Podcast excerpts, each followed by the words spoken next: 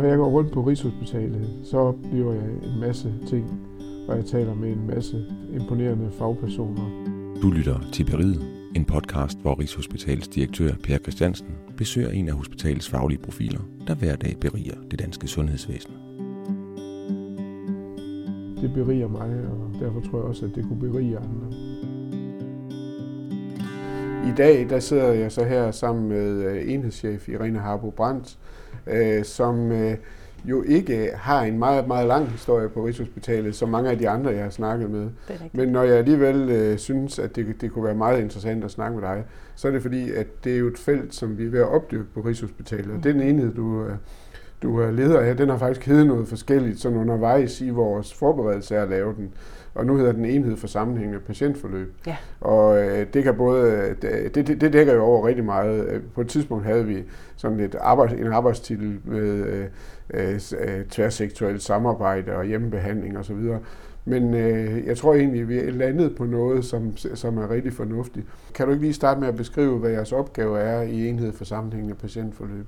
Jo, vi går ligesom på, på to ben. Den ene øh, opgave handler om at styrke de patientforløb, vi har her på Rigshospitalet, både mens patienterne er på hospitalet, men også når de skal udskrives til kommuner og have et samarbejde med almindelig praksis. Og den anden del handler mere om det strategiske blik ind i de øh, nu nye sundhedsklynger, de tidligere samordningsudvalg, og støtte op om, at vi, øhm, vi bidrager der. Vi sidder, øhm, vi er repræsenteret i Sundhedsklynge Syd og i Sundhedsklynge byen, men har jo i virkeligheden et, øh, en interesse i at orientere os til alle sundhedsklynger i hele landet, fordi vi jo som hospital udskriver til hele landet. Kan du ikke lige fortælle en lille smule om din baggrund, jo. og hvorfor du synes, at det her så kunne være spændende at blive den første leder af den her helt nye øh, afdeling på Rigshospitalet? Jo, det vil jeg rigtig gerne. Jeg har en, øh, en øh, karriere fra, fra det kommunale sundhedsvæsen, hvor jeg har været faktisk 17 år, og hvor jeg sådan har fået blik ind i, hvad er det, der sker med patienterne, når de kommer ud af hospitalet, og hvad er det, man så gør ude i kommunerne.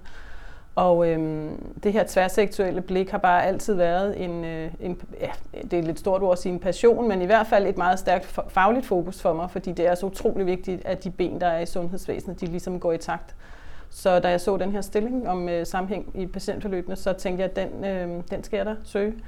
Og så var jeg jo så heldig, at jeg fik den. Så det var meget modigt af Rigshospitalet at, øh, at ansætte en, som kommer dels fra kommunalregi, som aldrig har været øh, i et hospitalsregi før, eller regionsregi før. Og jeg er heller ikke sygeplejerske af baggrund. Jeg er professionsbachelor i ernæring, og så har jeg en master i offentlig ledelse.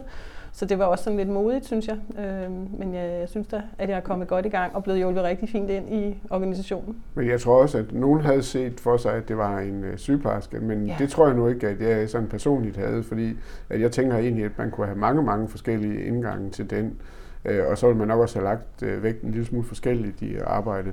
Når nu vi snakker sammenhængende patientforløb, mm. øh, så, øh, så tænker man jo øh, ofte, med overgangen mellem øh, det... Altså, Rigshospitalet er jo et lidt specielt hospital, hvor der også er overgange mellem hospitaler. Ja. Men ellers vil man traditionelt tænke det som overgangen mellem øh, primær og sekundær sundhedsvæsen, altså ja. øh, kommuner, praktiserende læger og hospital. Ja.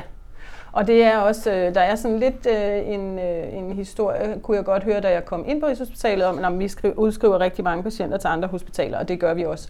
Men vi udskriver også rigtig mange patienter til eget hjem og til kommunerne, og derfor er det utrolig vigtigt, at vi har et stærkt samarbejde der. Og vi har jo samordningskonsulenterne for, øh, engageret her i den her enhed. To stykker har vi af dem hvis primære fokus er at håndtere kommunikationsaftalen og udskri- de, den gode udskrivelse.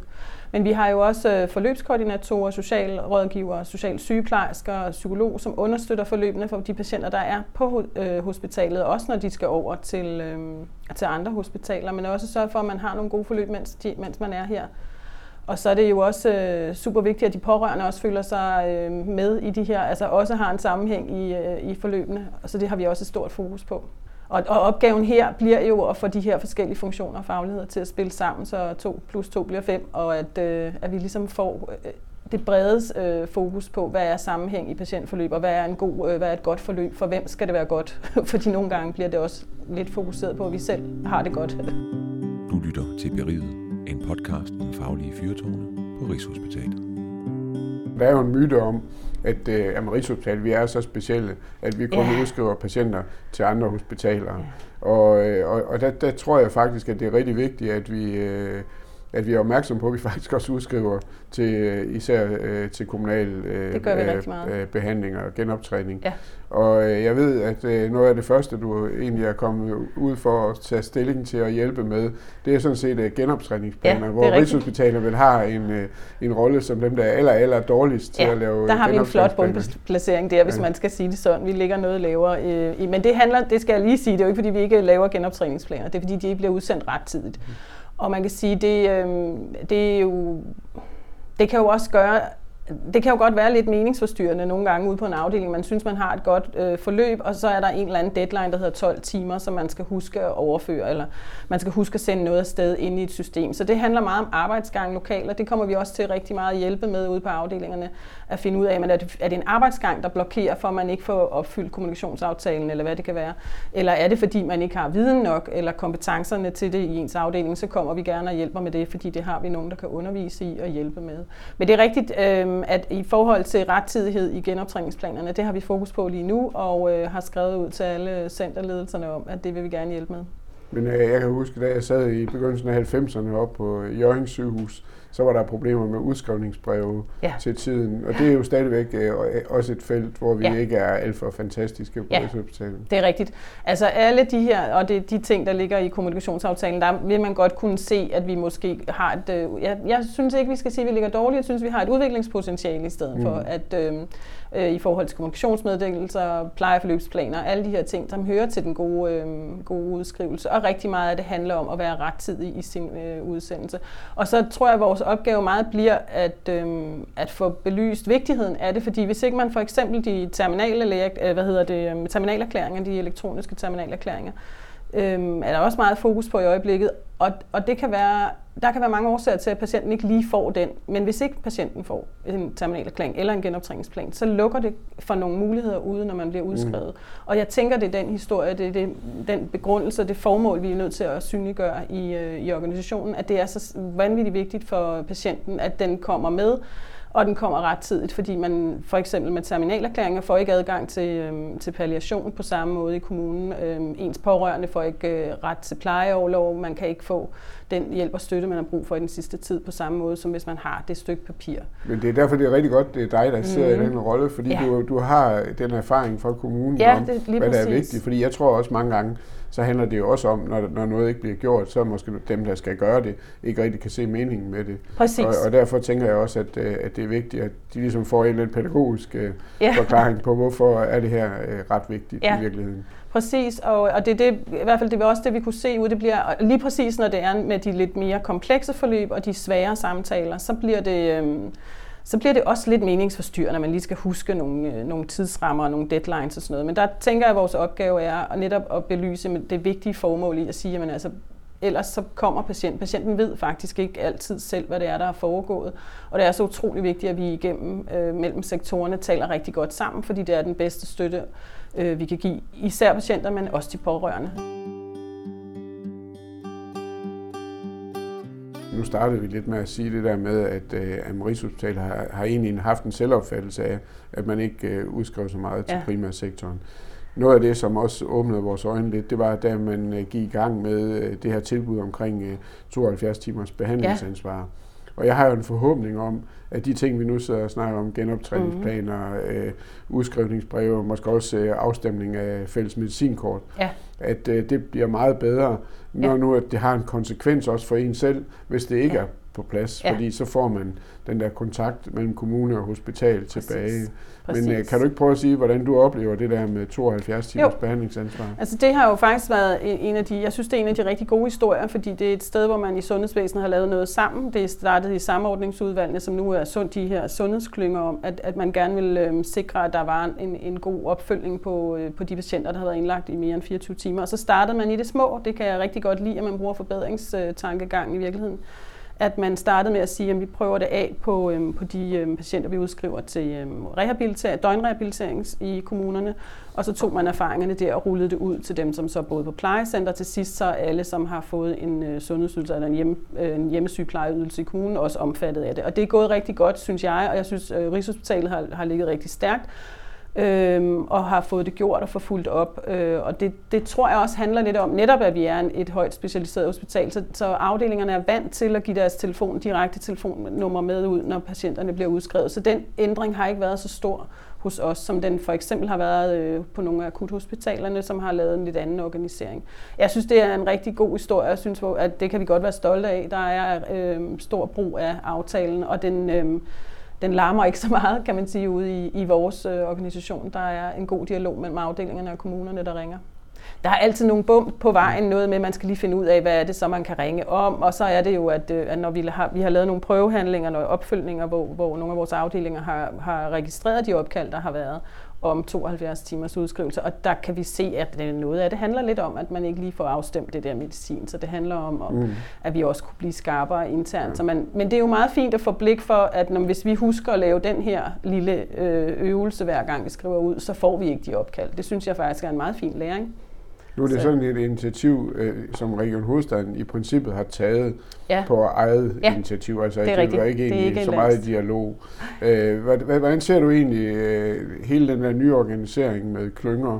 Det ville jo være et oplagt tema, vil jeg synes. Ja. Øh, en succes fra starten, øh, hvis man havde valgt at gøre det i det regi.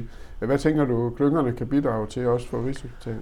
Altså jeg, jeg synes, de bidrager rigtig meget til netværks- øh, og samarbejde for løftet nogle helt lokale. Det synes jeg både IV-aftalen og 72 timers øh, behandlingsansvar faktisk er et meget godt eksempel på, at det faktisk, at man kan, selvom man er mange aktører, så kan man godt sætte sig sammen om det samme bord og, og for, forholdsvis hurtigt få lavet noget, som er til gavn for patienterne og borgerne, som det hedder ude i kommunerne. Det synes jeg faktisk er en succeskriterie. Nu er der jo kommet en lidt anden organisering, så når der er kommet nogle politiske øh, niveauer ind, så der er politiske sundhedsklynger også. Og det er helt i sin spæde start. De har kun lige haft det første sættemøde her i øh, regionen. Øhm, og det, er, det, spænd, det venter vi spændt og ser, hvad det bliver, for det kan give noget mere, øh, nogle flere muskler, i virkeligheden noget mere mandat til at træffe nogle afgørende beslutninger, men det kan selvfølgelig også skabe lidt mere byråkrati, og det, vi, øh, det tænker jeg alle, der er, om, at der er involveret i det, er meget opmærksomme på som udgangspunkt, øh, så håber jeg da ikke, at man smider barnet ud med badevandet. Jeg er da helt overbevist om, at det gode samarbejde, der har været i samordningsudvalgene, de bliver flyttet med over i de faglige klynger, og at de ting og de temaer, man har arbejdet med, øh, de også ryger med over. Det tror jeg, fordi vi er jo slet ikke færdige med IV-aftale, eller for så vidt 72 timers øh, aftale, men den er jo ikke fuldt ud implementeret. Vi skal stadig øve os lidt og justere, så, øh, så det tænker jeg. Jeg tror, det på den lange bane det bliver en fordel. Vi har lige en lille, lille vakuum nu, mens folk lige finder sig til rette, tror jeg.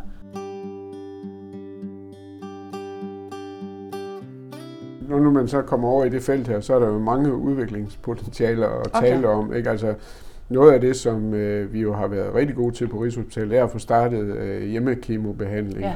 Øh, det er et felt, øh, men der er også øh, hjemmeantibiotika på ja. pumper, og i virkeligheden øh, er der også det, der hedder p-dialyse, ja. posedialyse, personaldialyse, eller hvad vi nu kalder det, ja. øh, som også øh, foregår i patientens hjem, og som hidtil har været løftet af kommunerne.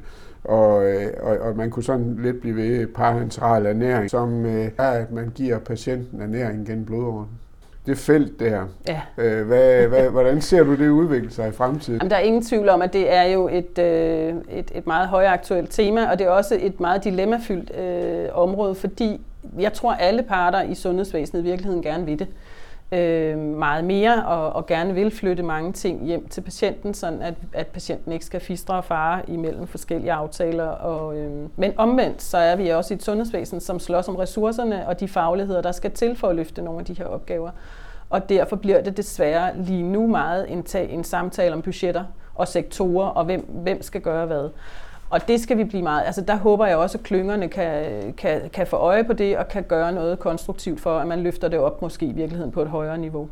Fordi der er mange konflikter, og det bliver tit helt nede på sådan øhm, udskrivningsniveau i virkeligheden, sådan at det er en kommune vil lige pludselig, så, har de, så siger de nej tak til at tage en IV-behandling hjem, fordi de ikke lige har ressourcerne den weekend, eller, eller hvad forklaringen kan være. Og det bliver sådan lidt bøvlet, og, øhm, og det skal vi have gjort noget ved, fordi det er ikke til gavn for, for, os, for os som, øhm, som hospitaler. Det er heller ikke til gavn for kommunerne, og det er slet ikke til gavn for patienterne. Så det tænker jeg, at bliver et kæmpestort fokus nu her. Og jeg håber da også, at man i sundhedsaftaler og sådan noget får, får blik for det, så man netop kan få et lidt højere strategisk øh, blik på det, og øh, for, for måske også sat nogle ressourcer af til det, og nogle fælles aftaler, som ikke skal ske helt ude lokalt. Men noget af det, som jeg, når jeg fokuserer lidt på, jeg ser ja. jo i det daglige, sidder jeg langt fra men man kunne forestille sig, at det har ret stor betydning for ulighed i sundhed.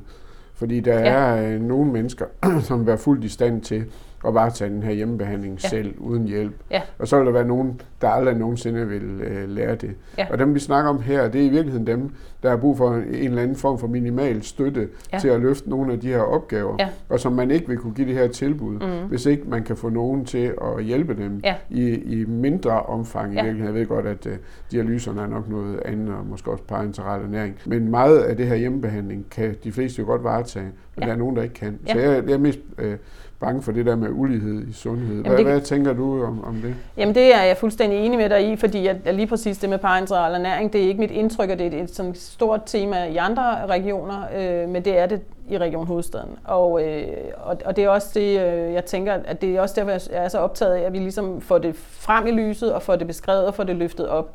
Fordi hvis det handler om, at vi i Region Hovedstaden har en demografi eller nogle økonomiske udfordringer, som gør, at vi ikke øh, kan gøre det samme, som man kan i, i, i, i Midtjylland, eller hvor det nu skulle være, så, så er det ikke, det er ikke fair. Altså sådan et sundhedsvæsen skal vi ikke have, så det skal vi helt klart få trukket frem i lyset.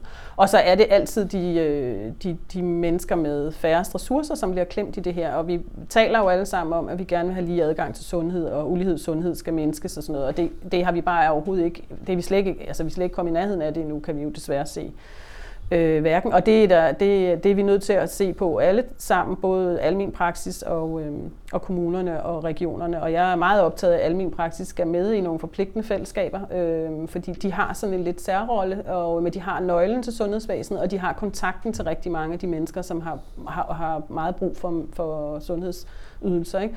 Så jeg tænker, at det, at det er også en vej at gå ind og få nogle forpligtende aftaler med almen praksis.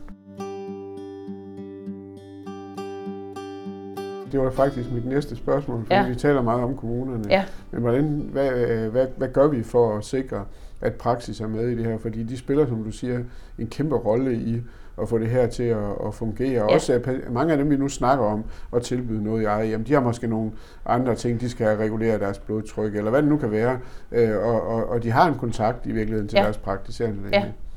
Jamen altså, det er jo... Øh det er jo et, et, et, en spejling af den måde, som vores danske sundhedsvæsen er bygget på, vil jeg mene, ikke? fordi vi har regioner og kommuner, som er, øh, som er politisk styret, og så har vi øh, almen praksis, som i høj grad jo er selvstændig erhvervsdrivende, kan man sige, med, med, med PLO, altså de praktiserende lægers organisation, som fagligt forum, eller hvad man kan sige. Øhm, og jeg oplever nogle, øh, i hvert fald den nye generation af læger, og, og, altså, som er meget optaget af, at deres patienter får nogle gode forløb, og som i virkeligheden byder sig til og gerne vil men vi er ikke rigtig trænet i at at, at starte med at, altså, vi sidder i de her tværsektuelle forum, men det er ligesom om, vi ikke rigtig formår at, øh, at samarbejde, fordi der er nogle organisatoriske udfordringer i det, og det tror jeg, vi skal skærpe meget mere. De sidder jo heldigvis med i samme, både de faglige sundhedsklynger og også i i et politisk øh, niveau, kan man sige. Så, øhm, så det skal vi have, have byrket meget mere. Og så er der, et, hvis vi endelig også skal tale om et andet smertensbarn, synes jeg, det er, at vi har sådan en hård opdeling mellem psykiatrien og somatikken, fordi det er tilfældigt. Altså det er jo sådan, at de mennesker, der er i psyk- psykiatrien, temmelig sikkert også har en sag i somatikken.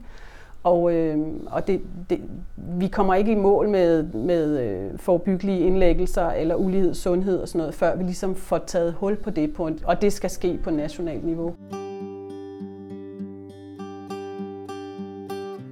Virkeligheden er det jo underligt, øh, hvis man sådan ser på det, fordi mange af de medarbejdere, nu sidder du her på Rigshospitalet, mm-hmm. for et stykke tid siden sad du ude i en kommune, ja. sådan er det jo også rigtig meget af vores øh, sygeplejersker, ja. øh, som har været i, i en kommune i, i mm. hjemmeplejen og, og, og hjemmesygeplejen osv. Altså det er, jo, øh, det er jo underligt, at man sådan har svært ved at få det til at fungere, fordi folk bevæger sig på kryds og tværs mellem sektorerne? Jamen, jeg tror, det handler også om, altså vi, vi har også, altså dels har vi, hvis vi skal sådan være sådan lidt sarkastiske med det, så bruger vi også ekstremt meget tid på at tale om alt den tid, vi ikke har vi har sådan utrolig uopdyrket potentiale, som, og det tænker jeg er en ledelsesopgave. Altså jeg tager den i virkeligheden på mig, jeg peger sådan set ikke ud. Jeg synes, at jeg, min opgave her er jo ikke bare at være personaleleder for nogle mennesker. Nu har man flyttet, de har jo været her hele tiden, så har man også samlet dem på en ny enhed og givet dem et nyt navn.